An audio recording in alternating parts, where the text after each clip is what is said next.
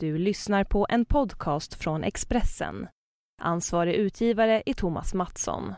Fler poddar hittar du på expressen.se podcast och på iTunes. Det här är Expressen Dokument om andra världskriget. Del 10. Kampen om bomben. Mitt namn är Patrik Almqvist.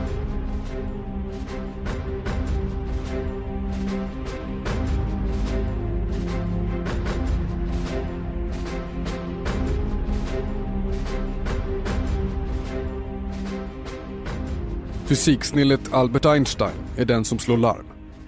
Hitler håller på att bygga en fasansfull bomb som kan förinta en hel stad. Winston Churchill och USA-presidenten Franklin D. Roosevelt tar varsin bit av problemet. Britterna ska stoppa fyrens atomtester. Amerikanerna ska bygga en egen bomb. Kapplöpningen om atombomben börjar.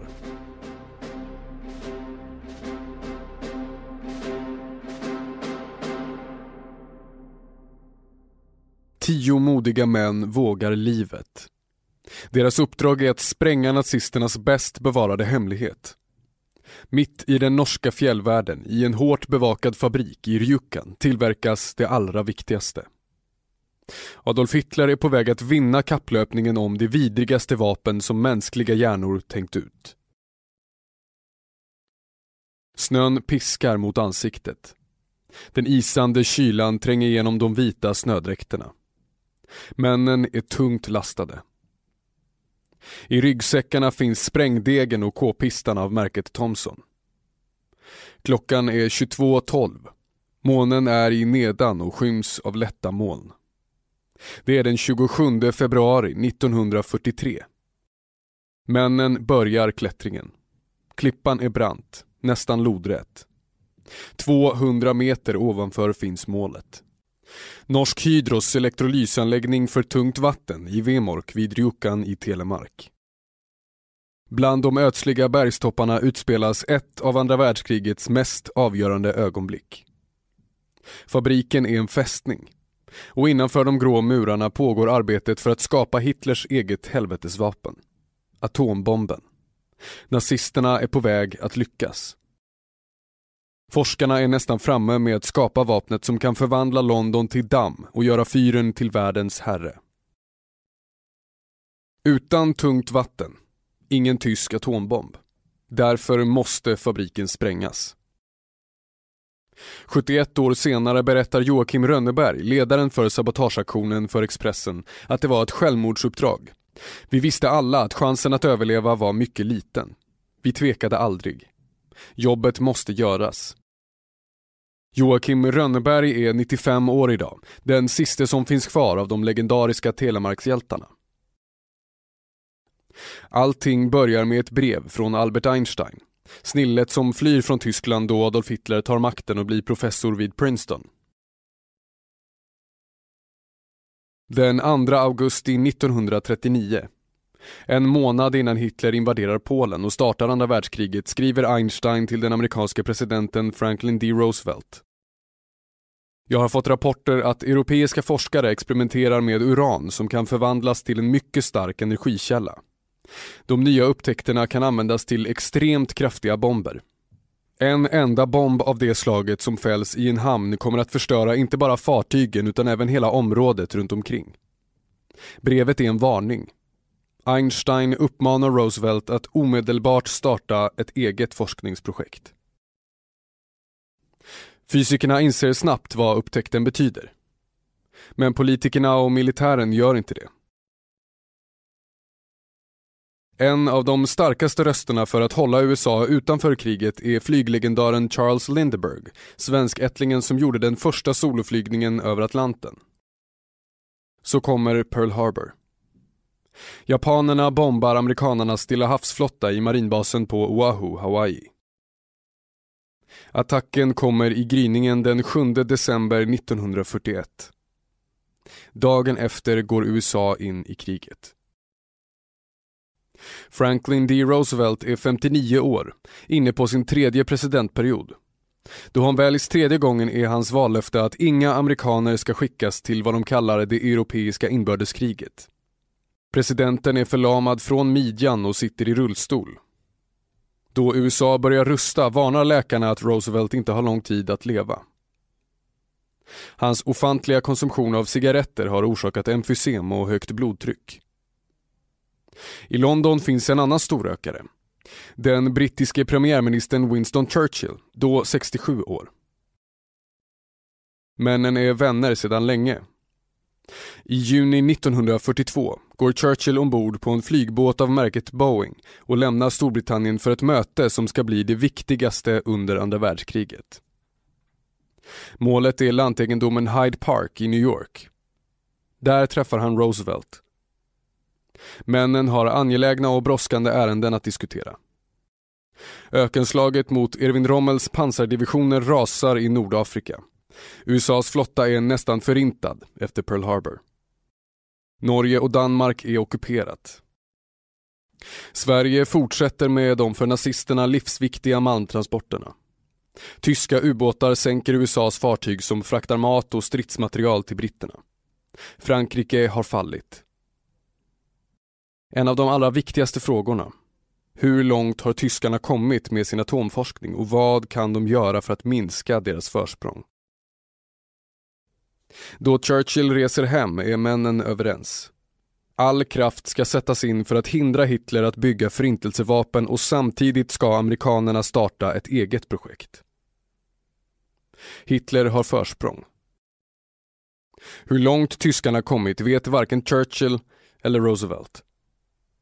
Allierade spaningsplan har tagit bilder på mystiska anläggningar vid franska kusten.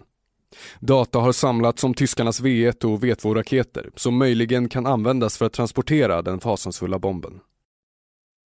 Det finns många modiga spioner i det Europa som styrs av Hitler. Men det finns ingen Mata Hari med doktorshatt i kärnfysik. Ingen vet vad tyskarna håller på med i sina hemliga bergrum. En olycksbådande nyhet är att Tyskland plötsligt stoppar all export av uran från det ockuperade Tjeckoslovakien. Varför behöver de själva uranet? Ingen vet. En sak vet amerikanerna. Tyskarna använde tungt vatten i processen för att tillverka bomben. Den enda fabrik i världen där tungt vatten framställs ligger i Rjukan, i det ockuperade Norge. Churchill och Roosevelt gör en plan. Amerikanerna ska använda alla resurser för att hitta lösningar på uranets gåtor. Churchill ska sätta in sina järvaste soldater för att stoppa att Hitler blir först med Wunderwaffe. Roosevelt ber fysikern Robert Oppenheimer att samla de skarpaste hjärnorna. Manhattan-projektet inleds. Viktigast i det läget är Churchills bit av problemet. Den fria världen hotas om Hitler blir först med bomben. Fabriken som tillverkar tungt vatten måste sprängas. Britterna bygger upp en organisation för hemliga operationer. Den heter Special Operations Executive, avdelningen för specialoperationer, kallad Churchills spionskola. Där tränas norrmännen som flytt från ockupationen. Joakim Rönneberg berättar. Vi utbildades för att göra sabotageaktioner bakom fiendens linjer. Vi lärde oss allt om sprängämnen, hur vi kunde skicka kodade meddelanden med morse och kasta handgranater. De tränar också närstrid, hur spioner överlever under svåra förhållanden, hur de dödar med bara händerna. I spionskolans station 17 i Brickendonbury i Hertfordshire bygger norrmännen en exakt kopia av fabriken i Rjukan i naturlig storlek.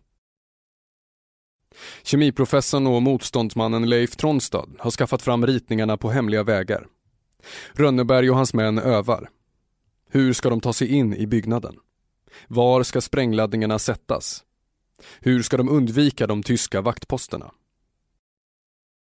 Ingen av oss hade sett fabriken i verkligheten. När det blir allvar vet vi exakt vad vi ska göra, säger Joakim Rönneberg. Fyra andra norrmän skickas som förtrupp. Ledaren är Jens Anton Paulsson, 24 år, en lång smärtman med en tennisspelares figur som ständigt bolmar på en pipa. Han är från Rjukan och spelar ett högt spel. Paulssons föräldrar, två systrar och en yngre bror bor i Rjukan, bara ett par kilometer från fabriken. Om han grips eller dödas och hans identitet avslöjas kommer nazisterna att skicka hela hans släkt till det ökända koncentrationslägret Grini. Ställföreträdande patrullchef blir Knut Haugland, också han från Rjukan. Haugland är radiotelegrafist och känner till de nyaste brittiska sändarna och mottagarna och kan kodsystemen på sina fem fingrar. Klaus Hellberg är bänkkamrat till Paulsson från folkskolan i Rjukan.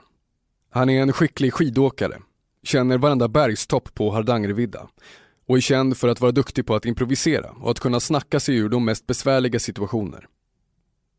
Fjärde mannen är Arne Källstrup, 29 år, rörmokare och bra på det praktiska.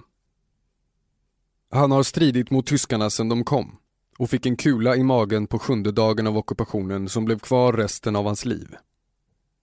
Patrullen har kodnamnet Grouse, Moripa.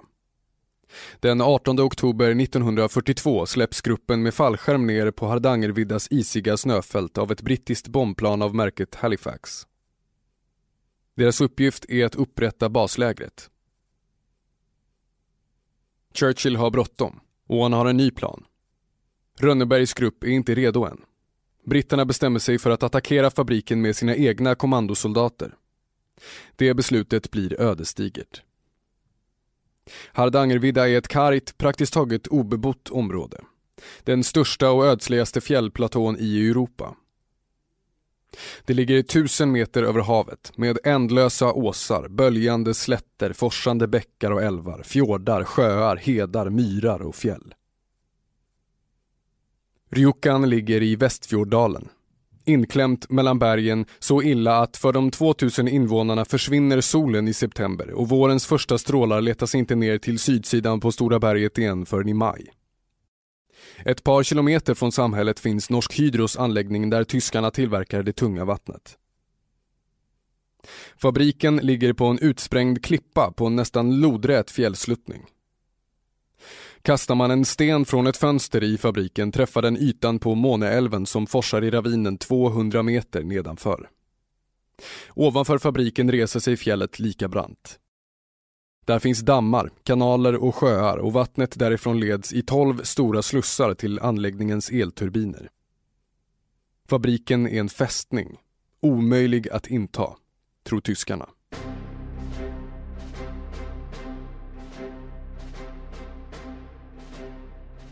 Vid midnatt den 18 oktober 1942 gör sig Churchills kommandosoldater redo på Wicks flygfält i Skottland. Det är 34 man, frivilliga. Alla i 20 till 25-årsåldern, utrustade med vapen, sprängämnen. Soldaterna sätter sig i två Horsa segelflygplan. De tas på släp i långa linor av två Halifax-plan. Det är fullmåne Klar himmel och månljuset ska lysa upp slätten där de ska landa. 670 kilometer därifrån, på andra sidan havet. Allt går galet.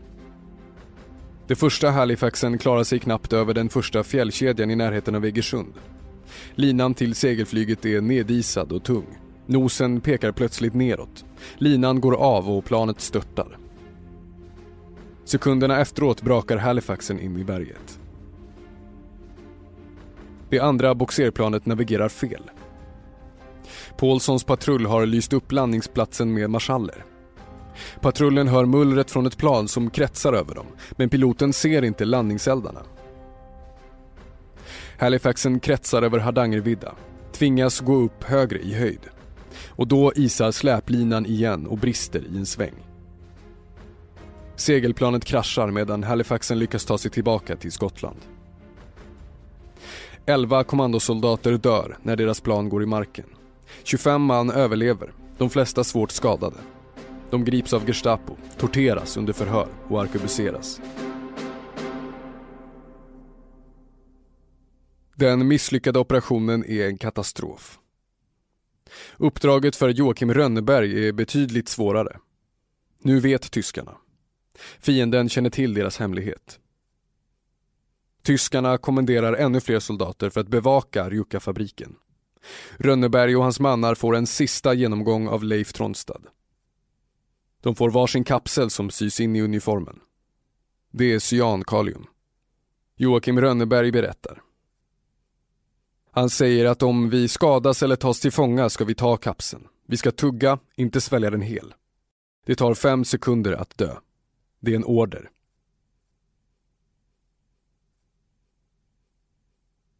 Rönneberg minns att kamraterna kramar dem med tårar i ögonen då gruppen kliver ombord på planet som ska släppa dem i fallskärm över de norska snövidderna. De trodde aldrig att de skulle få se oss igen. Paulsson och hans grupp har blivit kvar i fjällen i nästan fyra månader. De hade med sig mat för ett par veckor då de släpptes från planet. De har överlevt genom att skjuta vildrenar och ripor. Männen har övernattat i hytter, små stugor som de brutit sig in i. Sällan flera nätter på samma ställe. På fjällvidderna är det ont om ved. De är genomfrusna, i dåligt skick. Hela tiden har de lyckats hålla sig gömda för tyska patruller. Den kväll i februari 1943, då grupp Grouse och grupp Gunnerside träffas, är det fest.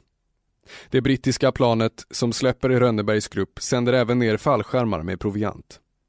De kalasar på torkad frukt, grönsaker och choklad. Paulsons piptobak är slut för länge sedan. Han kedjeröker brittiska cigaretter som var med i packningen. De har flottigt renkött i kitten och de fyller muggarna med renblod. Det är vad de har att dricka. Männen gör upp planer. Klaus Hellberg och Arne Källstrup, de som allra bäst känner Telemark, har spanat vid Rjukanfabriken. Det finns bara tre vägar att ta sig till berghyllan där byggnaden ligger. Den första går via en smal hängbro från ravinens motsatta sida. Den andra är en lång stentrappa från fjälltoppen, 400 meter högre upp längs slussarna till kraftverkets tak. Den tredje är en enkelspårig järnväg som går längs den klipphylla som sprängts ut ur berget och leder direkt till anläggningens gård. Hela området är minerat. Tyska elitsoldater bevakar. Vid ventilhusen finns kulsprutebatterier. Det finns en väg till. Från Måneälven i ravinen stupar en brant klippvägg och fabriken ligger 200 meter ovanför. Tyskarna har inte minerat där. De kan aldrig ana att någon kan klara en sån våghalsig klättring. Klaus Hellberg vet att det går. Han har i skydd av mörkret prövat och lyckats. Den 27 februari 1943 Stormvindarna rasar längs fjällsluttningarna. Det är milt för att vara i fjällen, bara 10 minus. Klockan är 20 då nio män lämnar hytten i Fjusbodalen. Den tionde, Knut Haugland, ska inte vara med i attacken. Han är telegrafisten. Hans uppgift är att stanna på fjället och stå i kontakt med basen i Skottland. Går allt på tok måste någon finnas kvar som kan rapportera hem.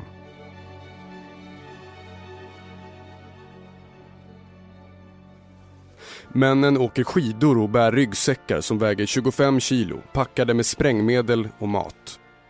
Över magen hänger k-pistar av märket Thompson. I hölstret har de varsin Colt 45.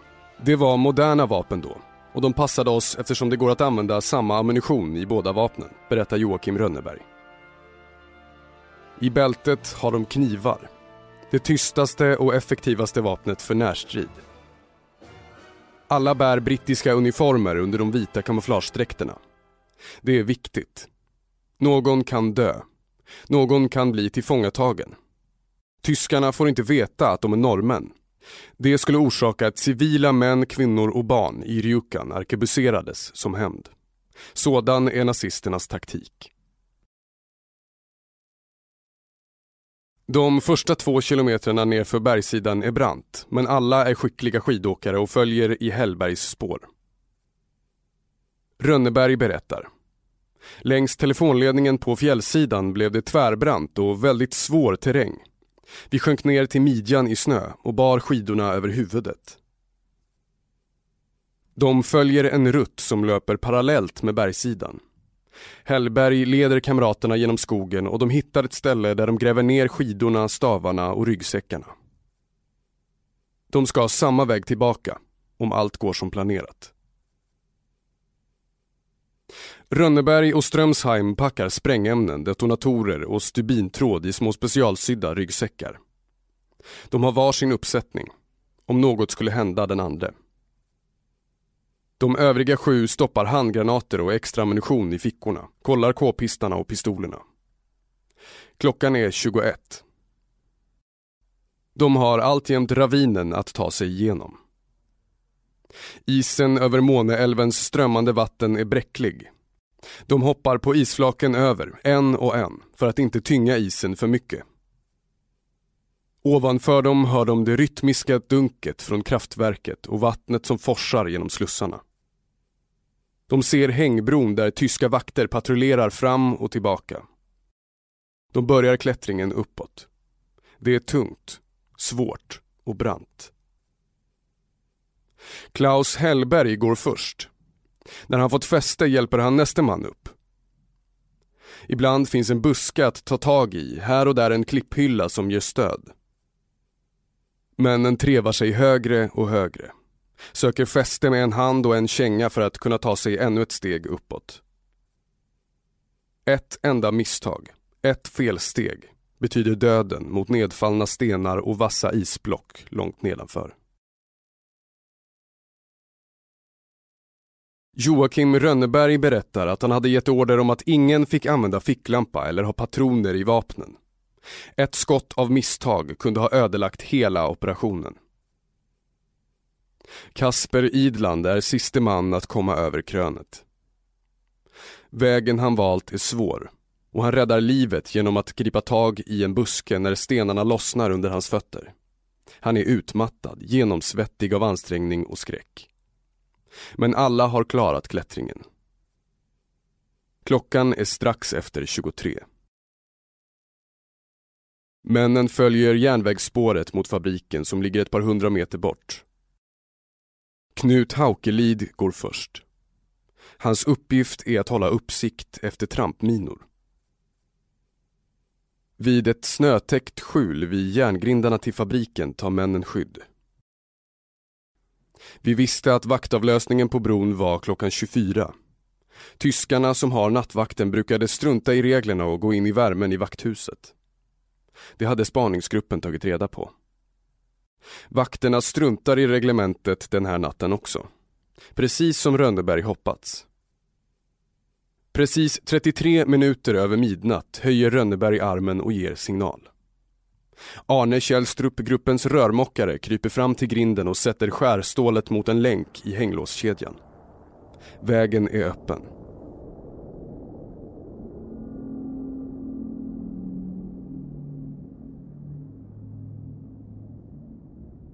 De nio vet exakt vad varje man ska göra.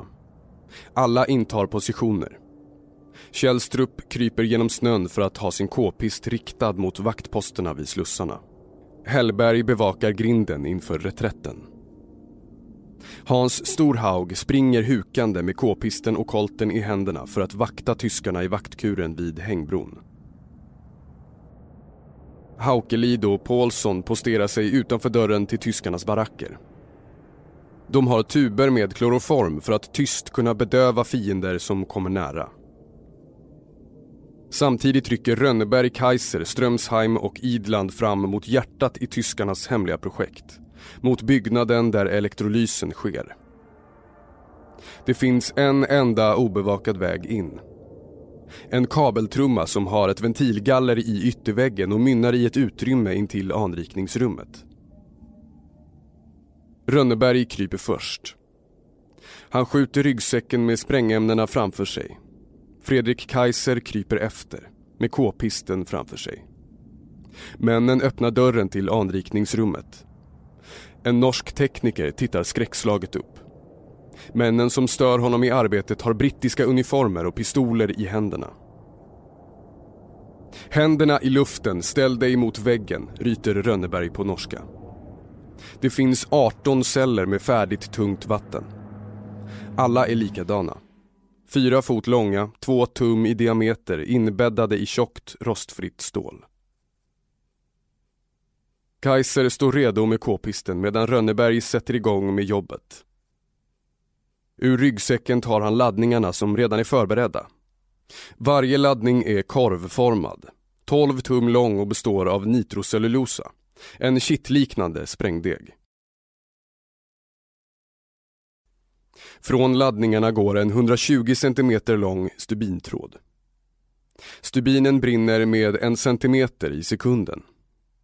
Efter att de har tänt på har männen två minuter på sig att fly. Strömsheim och Idland har inte hittat kabeltrumman. Strömsheim slår ut ett fönster, kryper igenom och hjälper Rönneberg med de sista laddningarna. Idland vaktar utanför. Strömsheim och Rönneberg fäster sprängdegen med tejp på cylindrarna. I sista stund bestämmer jag mig för att korta den sista stubinen till 30 cm. Då kan allting explodera efter en halv minut. Jag ville inte riskera att någon skulle komma in och hinna släcka. Rönneberg tänder på. Skriker åt norske teknikern att springa upp för trapporna, stänga järndörren och kasta sig ner på golvet. Därefter rusar han själv, Strömsheim och Kaiser ut genom huvuddörren. Rönneberg berättar. Vi var bara 20 meter från fabriken när det small. Ljudet dämpades av byggnadens tjocka väggar och det lät mer som en duns än en explosion. Vi visste att vi lyckats när vi såg eldsflammorna genom fönstren. Det märkliga är att de tyska vakterna knappt reagerade. Några rusade ut och lyste med ficklampor. De märkte inget ovanligt. Ingen sprang till anrikningsrummet för att kolla om allt var i ordning. Större och mindre smällar i fabriken är inget ovanligt. Det hände till exempel när teknikerna missade att blanda tillflödet av väte och syre till brännaren så att flödet blir trögflytande. Dessutom piskar stormvindarna fjällsluttningen. Smällarna kan ha kommit från träd som blåst ner. 15 värdefulla minuter har gått. Männen har hunnit ända ner i ravinen då de hör sirenerna och ser strålkastare lysa upp fabriksområdet. De hoppar än en gång på isflaken över Måneälven och börjar den tunga klättringen uppför. Med skidorna på axlarna. Det tar dem tre timmar att nå åsen mot Hardangervidda. Vi kunde se fabriken på andra sidan och tyskarnas bilar med förstärkning som var på väg. Jakten var igång. Det var ännu mörkt och vi var högt ovanför all uppståndelse. Vi kände oss trygga. Inte ett skott har avlossats. Alla har överlevt. Sabotaget har lyckats. Mot alla odds. Nu återstår ännu en svår uppgift. Att fly från tyskarna.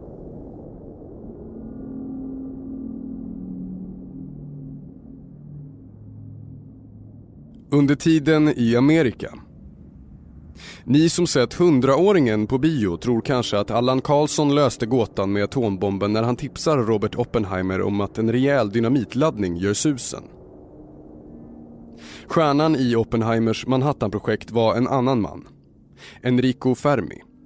En italienare som 1938 fått Nobelpriset för sina experiment med radioaktivitet. Direkt efter att Fermi tagit emot priset av kung Gustav V i Stockholm åker han till USA med hustrun Laura Capon. Flykten är planerad. De vill inte återvända till Rom där Benito Mussolini tagit makten och judeförföljelse har blivit lag. Fermis fru var judinna. Där finns andra skarpa hjärnor. Den 58-årige danske atomfysikern Niels Bohr som räddat sig till Sverige då nazisterna i september 1943 skulle föra alla danska judar till koncentrationsläger. Leo Szilard, en 44-årig ungrare och nära vän med Albert Einstein som när bomben var färdig förgäves försökte hindra president Truman från att använda helvetesvapnet mot japanerna. I gruppen finns också den 31-årige fysikern Klaus Fuchs som flytt från Tyskland under nazismen. Han är förrädaren. Till Stalin säljer han atombombens hemlighet vilket gör att Sovjet snabbt kommer igång med egen produktion av kärnvapen. I en fönsterlös källare i en squashhall vid Chicagos universitet lyckas Fermi starta kedjereaktionen där neutroner bombar och spränger uranet. Det är genombrottet. Amerikanarna har hunnit ikapp Hitler i kampen om bomben. Efter norrmännens sabotage av Rjukanfabriken tror Churchill att attacken har försenat Hitlers atombomb med två år. Ett ton av det nödvändiga tunga vattnet förstörs då Rönnebergs grupp spränger. Den brittiske premiärministern har fel. Tyskarna lyckas bygga upp anläggningen på ett par månader. Ett svenskt företag säljer de syrafasta rör som behövs. Snabbt är produktionen igång igen. Den 16 november 1943 attackerar de allierade från luften. 161 amerikanska bombplan av typ B-17 fäller över 1000 bomber från hög höjd. Flera av byggnaderna brinner. Men bara 18 av 500 kilos bomberna blir fullträffar. Anrikningsanläggningen ligger i bottenvåningen på byggnaden närmast fjällsluttningen, är svårast att träffa och skadas inte mycket. Bara 60 liter tungt vatten förstörs. En generator slås ut och det orsakar driftstopp. Tyskarna bestämmer sig för att montera ner och flytta hela anläggningen till Hamburg. Två ton tungt vatten som inte förstörts under bombningen ska också med. Den 20 februari 1944 rullar tågen från fabriken mot färjeläget i Mäl. Där körs de upp på färjan Hydro, där de ska transporteras över Tinnsjön. På bergsluttningen står en man och övervakar den tungt bevakade transporten. Han heter Knut Haukelid, en av männen ur Joakim Rönnebergs grupp. I mörkret natten före hade han lagt en överraskning i färjans maskinrum. Av Rjukans pensionerade urmakare har han fått två gamla väckarklockor. Dynamiten har han själv. Väckarklockorna tickar fram tiden till exakt 45 minuter efter avgång. Just där är sjön som djupast, 400 meter. Färjan exploderar och sjunker snabbt med sin tunga last. Det är slutet för fyrens dröm om bomben som skulle vinna kriget.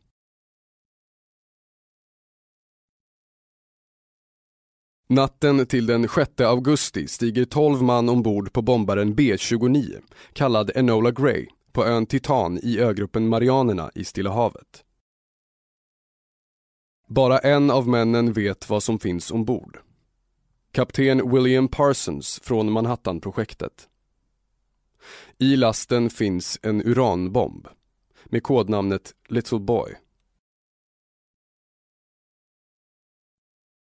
I lasten finns en uranbomb med kodnamnet Little Boy.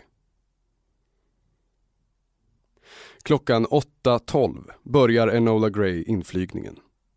Målet är hamnstaden Hiroshima vid Japanska insjön.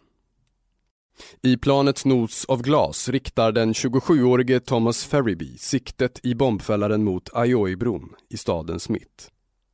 Little Boy faller i fallskärm till 576 meter över Hiroshima.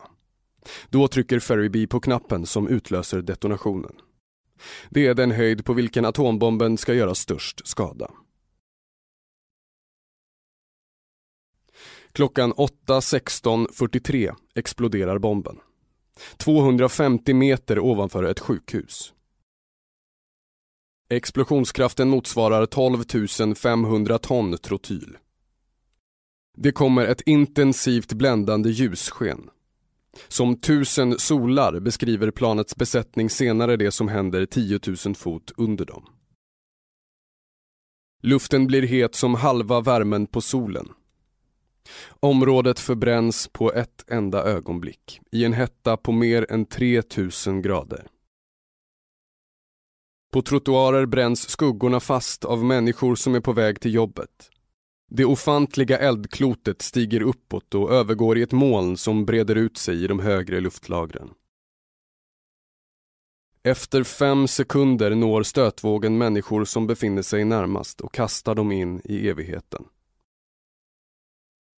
30 sekunder senare hörs en åskknall som aldrig tycks ta slut. Hus och människor förintas. 76 000 byggnader i Hiroshima förvandlas till aska. Mellan 70 000 och 130 000 människor dör. Och ännu fler dör senare av strålning och andra långsiktiga effekter.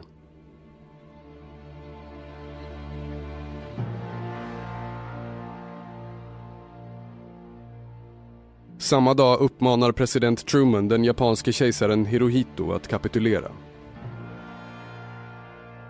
Han varnar. Annars kommer Japan att drabbas av ett regn av förstörelse vars like man aldrig sett på jorden. Kejsaren vägrar. Japan ska kriga till siste man. Klockan 11.02 den 9 augusti fäller amerikanarna den andra bomben över Nagasaki. Det är en plutoniumbomb med samma verkan som uranbomben. Fler än 50 000 människor dör och över 100 000 blir hemlösa då staden blir till aska och ruiner. Den 15 augusti ger kejsaren äntligen order att striderna ska upphöra.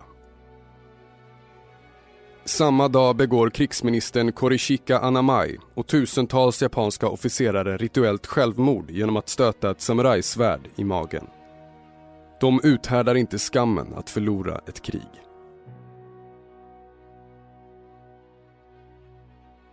Den 2 september går ministrar i Japans regering ombord på USS Missouri och undertecknar kapitulationen. Det har gått sex år och en dag sedan andra världskriget började.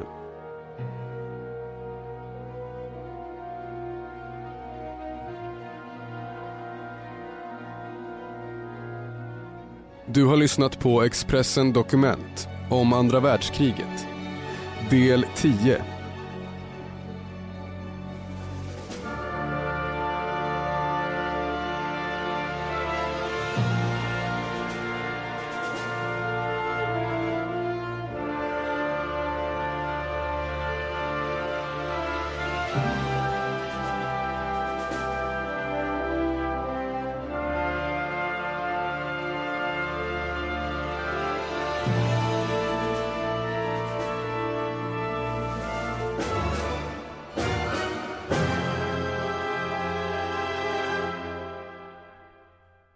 har lyssnat på en podcast från Expressen.